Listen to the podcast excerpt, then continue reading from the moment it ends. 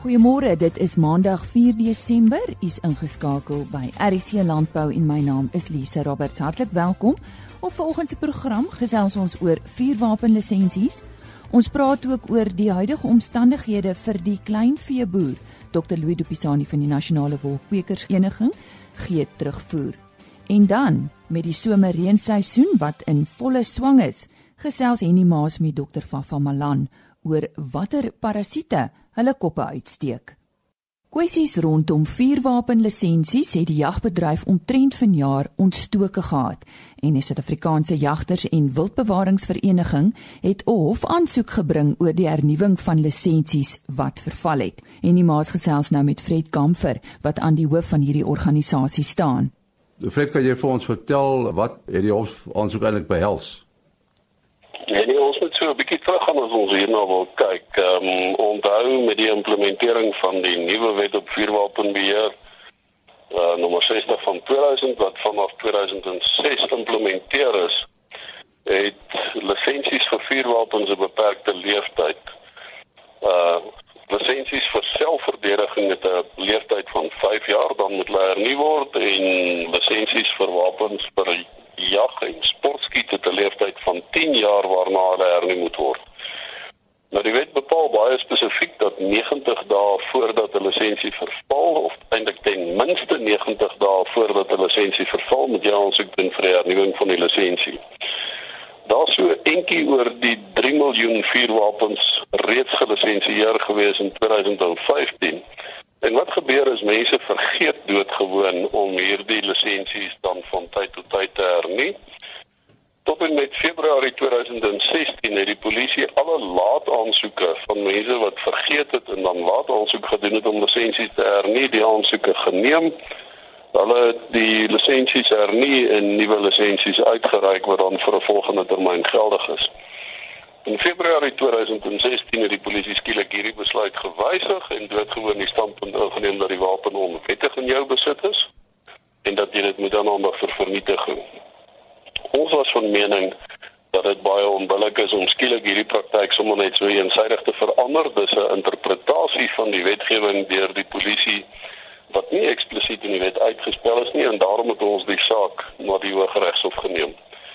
Ons het in Julie van jare uitspraak gekry in die Pretoria se Hooggeregshof van regter Polmy waarin sy bevind het dat artikels 24 en 28 van die wet is die artikels wat handel met die verval van lisensies inderdaad ongrondwettig is.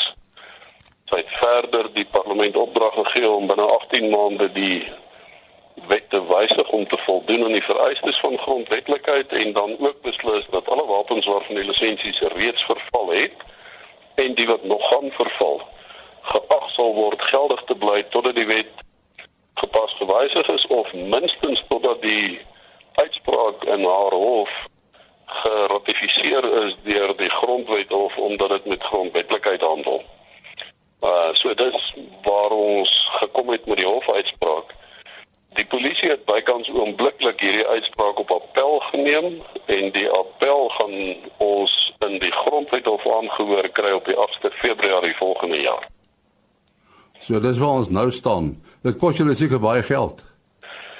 En nie ons het um, aan die Hooggeregshof aansoek totdat ons die uitspraak gekry het van regter Polme en Julie het ons reeds so 1,26 miljoen rand spandeer uh, nog wel 'n fris klompie geld en ons gaan waarskynlik omtrent nog soveel spandeer teen die tyd dat ons klaar in die grondwet al was. En en die polisie het blykbaar ook aansoek gedoen om 'n wapenamnestie. Ja, die polisie het aansoek gedoen ehm um, of 'n versoek gerig tot die portefeulje komitee om 'n uh, wapenamnestie te verklaar wat hulle wil hê moet loop van 1 Februarie volgende jaar tot die einde van Julie. Nou dis 'n redelik goed berekende taktiese skuif van die polisie sodat wanneer ons in Februarie in die grondwet hof kom, hulle baie maklik kan sê maar daar is 'n alternatief vir die vuurwapens waarvan die lisensies verval het. Die individu kan dit onder die amnestie inhandig en dan aansoek doen vir 'n lisensie. Ons siening is dat die polisie doodgewoon nie die vermoë het en die administratiewe kapasiteit het om hierdie proses sinvol te bestuur nie. Daar's in Aberabing reeds meer as 300 000 wapens waarvan die lisensies verval het En as hierdie goed alles in die polisiestasies ingehandig moet word, het hulle doodgewoon net nie plek om soveel wapens veilig te stoor tot tyd en wel individue dan aansoek gedoen het vir lisensies en die lisensie aansoek geproseseer is en weer uitgereik is. Ehm um, ons moet ook onthou dat ehm um, hierdie artikel 13 store van die polisie juis die plekke is van waar vuurwapens gesteel is baie dikwels deur amptenare van die polisie en dan aan bendes verskaf is. Daar's 'n hele paar sake van redelike groot polismanne wat uh, skuldig bevind is daaraan dat hulle so wapens aan bendes verskaf het wat doodgewoon uit hierdie bewaring of veilige bewaring van die polisie gesteel is. En uh mense wat nou uh, lisensies laat verval het, wat is julle advies? En ons advies op hierdie stadium is baie die wapen veilig in die kluis, moenie hom gebruik nie. Moenie met hom by jou ry nie en kom ons gee kans met die 8de Februarie volgende jaar ons kyk wat word van die appel in die grondwethof.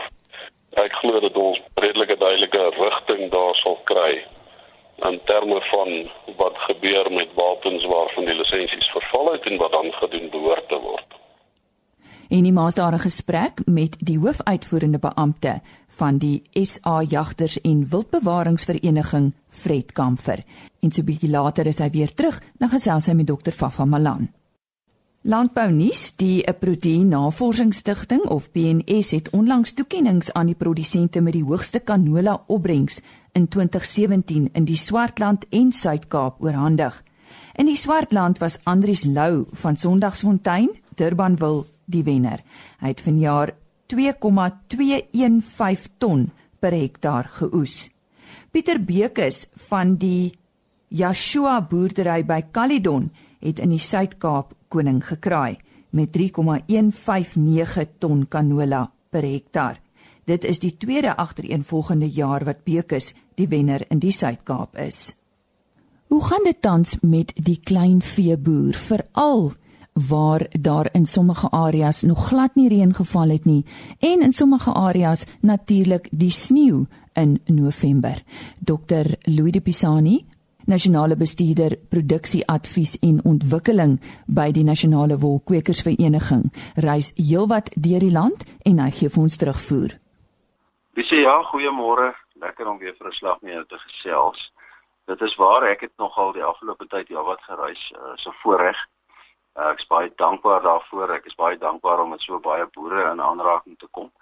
Die veidingssituasie in Suid-Afrika was so geweldig. Uh, ek was 2 weke gelede was ek in Noord-Natal en gedeeltes van Mpumalanga. Dit is absoluut pragtig daar. Dis 'n blomtuin. Uh, dit is regtig baie baie mooi. Uh en die mense is baie dankbaar daarvoor. Uh dit gaan veroorsaak dat uh, boere goeie skaapproduksie gaan hê daar. Uh en hulle sal ook kan gebruik maak met die goeie vleispryse van die goeie vleispryse en die goeie wolpryse. En daarvoor is 'n mens baie baie dankbaar. Ek het die afgelope week uh deur gebiede van die Groot Karoo en van die Oos-Kaap gereis. Uh en ek wil amper sê as mense lyn trek van Kalvinia af uh deur Vryseburg, uh Lynsburg, uh, Prins Albert, uh Willemore, Stellenbosch, Jansenwil en daarvandaan uh, oos na die see toe. Uh is dit regtig droog. Uh ek het ek het lanklaas ek was gister in uh in Prins Albert gewees. Uh, ons het daar so 'n konferensie aangebied oor droogtebestuur. Maar ek het kyk daai is 'n baie droë wêreld. Hulle kry maar so 100 mm gemiddeld per jaar. Dit is regtig droog daar. Uh, so mense na uh, data kyk van reënval uh, en droogte indekse vir daai area. Dan is dit nou van uh, 2007 af het hulle nou al uh drie droogte geleenthede daar uh, belewe en op die oomblik gaan dit regtig uh, nie goed daar nie. Mense is natuurlik baie dankbaar die uh, die Weskaapse regering het uh, nou 'n uh, klomp ekstra geld bewillig om daai boere by te staan. Wat verskriklik belangrik is want jy weet mense vergeet maklik dat wanneer boere hulle kuddes verminder het en dit reën, uh dan moet hulle nou weer daai kuddes uh, se groottes herstel En as jy onder 'n sekere minimum getal vee verminder het, dan is dit bykans onmoontlik uh om jou kudde getalle te herstel. En ons het regtig 'n baie goeie geleentheid gehad om ook met die Wes-Kaapse regering te gesels en vir hulle te sê dat julle moenie toelaat uh dat die boere se kuddes te uh, laag daal nie. Uh want dit gaan hulle oorlewingsvermoë in gevaar stel. Uh en gaan natuurlik uit die aard van die saak uh, voedselsekuriteit in die land in in gevaar stel. En ek is baie dankbaar om te te rapporteer dat hulle het uh, hulle hulle het dit hulle het dit gehoor en geluister daarna. Uh want jy weet boere kry nou hulp tot sê nou maar 50 groot vereenhede, maar wat maak jy nou as jy 'n gemiddelde 'n uh, groot uh, kommersiële boer is met 200 groot vereenhede? Uh uh hoe voer jy nou die res van jou kudde as jy net vir 50 groot vereenhede uh finansiële hulp kry? So uh, ja, mense is bekommerd oor hierdie boere. Mense is baie dankbaar vir die boere wat goeie reën gekry het. En ek dink die boodskap vir hulle Lise is dat uh hulle met die geleentheid wat nou daar is uh met met regtig goeie vleispryse en goeie wolpryse hulle met daai geleentheid aangryp uh, om hulle situasie, hulle veral hulle finansiële situasie weer 'n bietjie te stabiliseer. Uh en kyk of hulle nie hulle skuldlas kan verlaag nie. As 'n mens kyk na Suid-Afrikaanse landbou se skuldlasverhouding, hier het die afgelope 10 jaar geweldig toegeneem.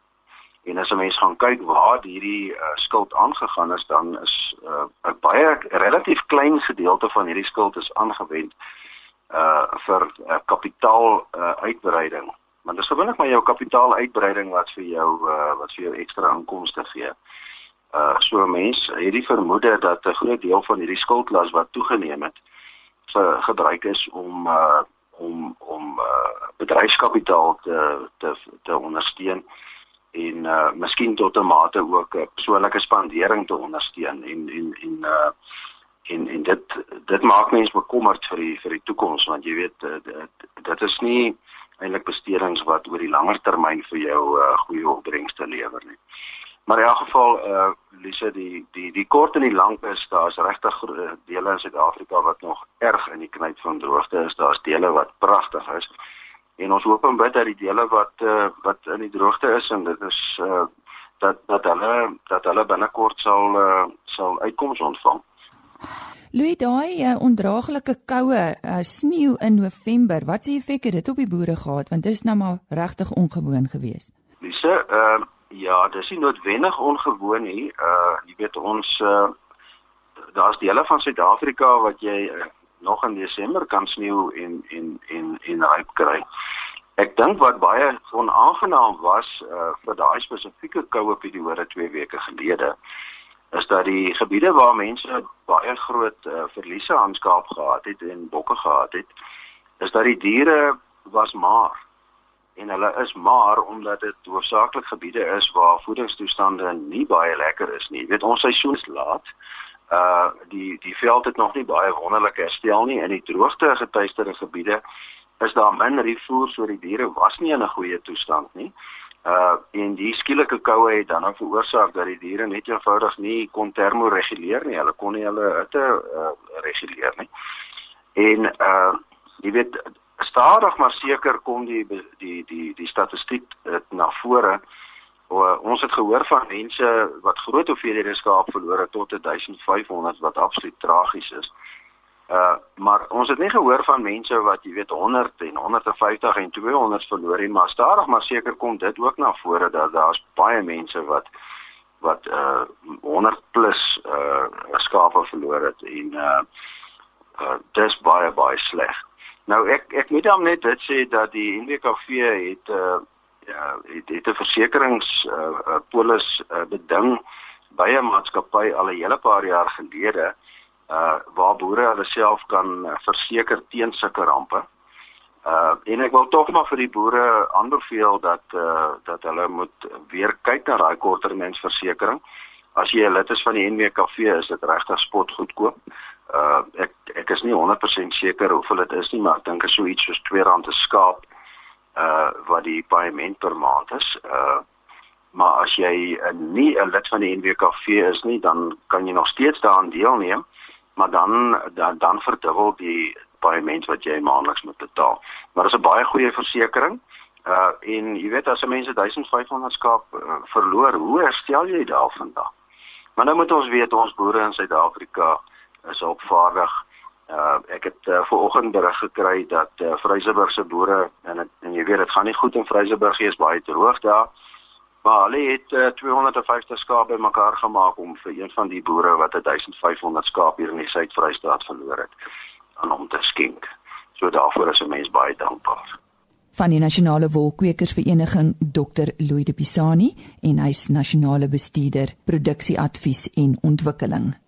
Nog landbou nuus en dit is ook goeie nuus. Een van Suid-Afrika se top vrugteproduserende areas, die Langkloof, het tot dusver sy beste reën in die afgelope 2 jaar gehad. Boere is verlig. Reënval in die kloof het gewissel van 50 tot 100 mm in sekere areas.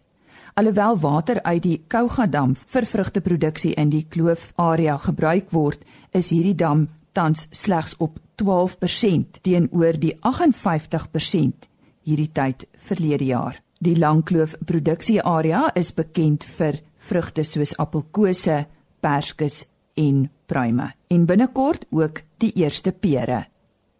Ons sluit nou weer aan by Henny Maas.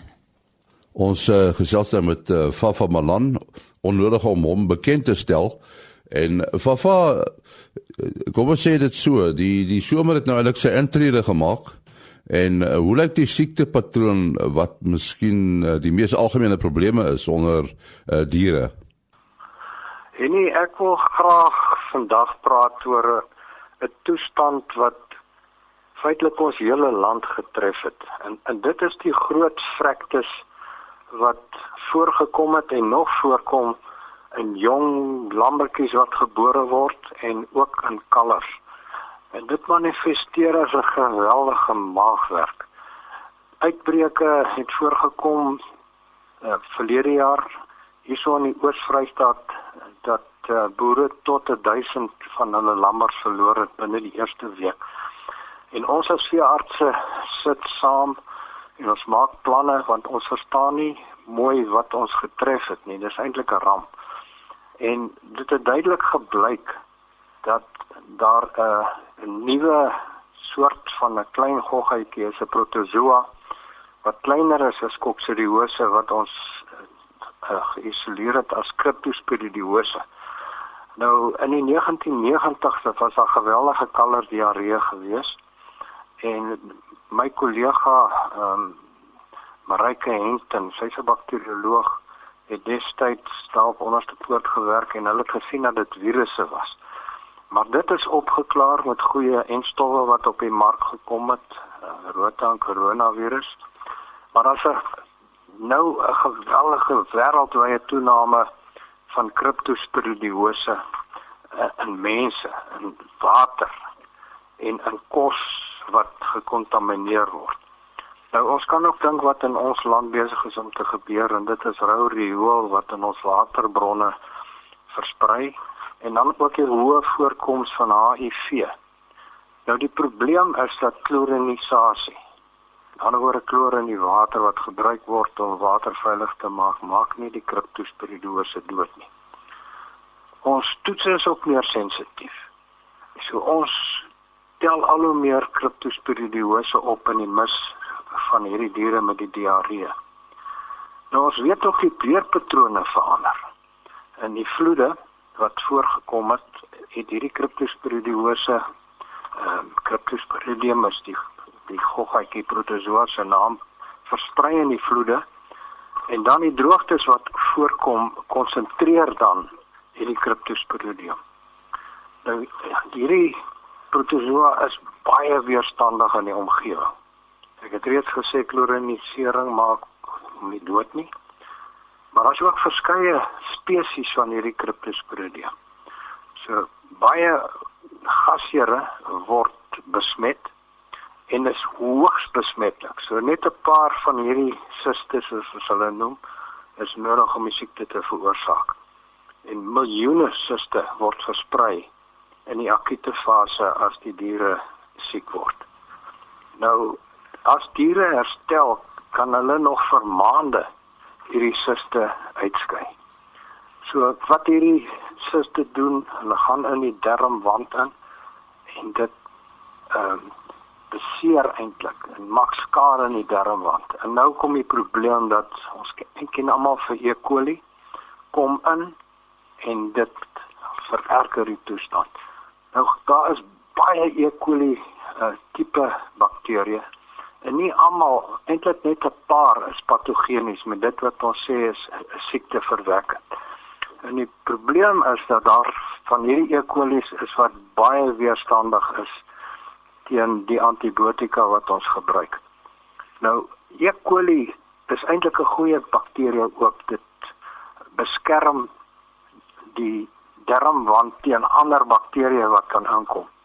Maar nou maak ons die goeie E. coli's op met die antibiotika dood en dan neem hierdie slegtes oor. En hulle veroorsaak dan baie skade. Nou ons noem hierdie skade wat hulle veroorsaak virulensiefaktor wat hulle bevat.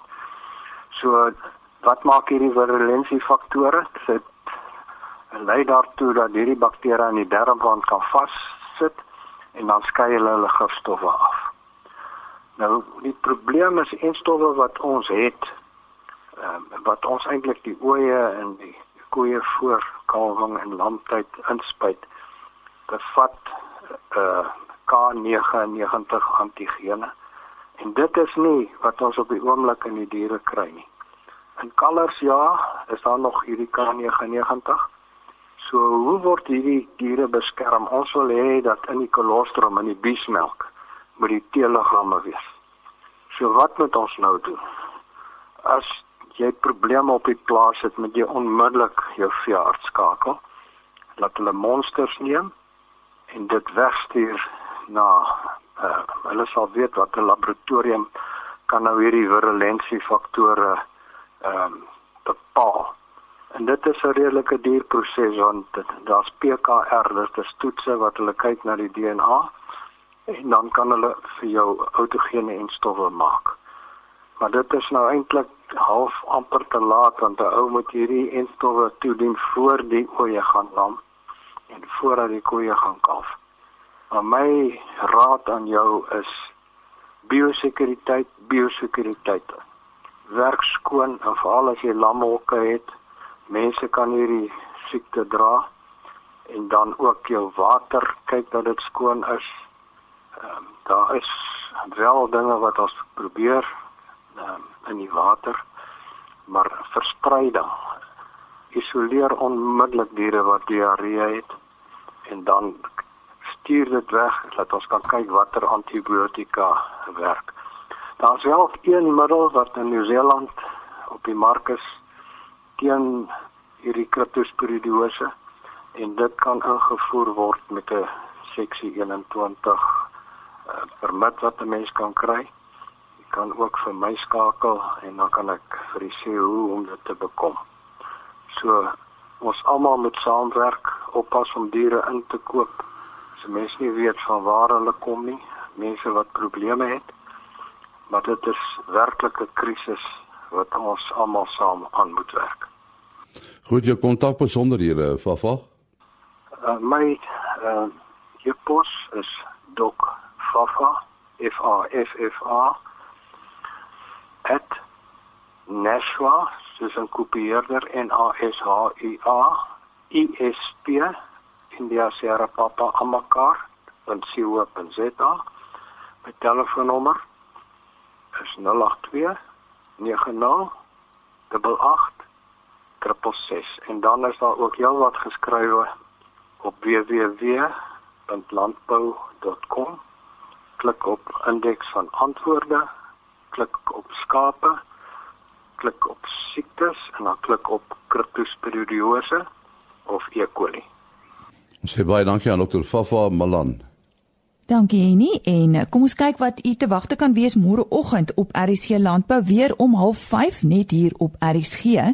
Ons gesels oor die 2018 nasionale kuilvoer kompetisie wat uh, eersdaags afskop en ons gesels ook met een van die wenners wat vanjaar geseëvier het. Dan sal dokter Louis de Pisani terug wees met 'n gesprek oor hulle opwindende nuwe reproduksie opleidingsprogram. Nog landbou nuus en hierdie is oor wêreld klapperproduksie wat stagneer.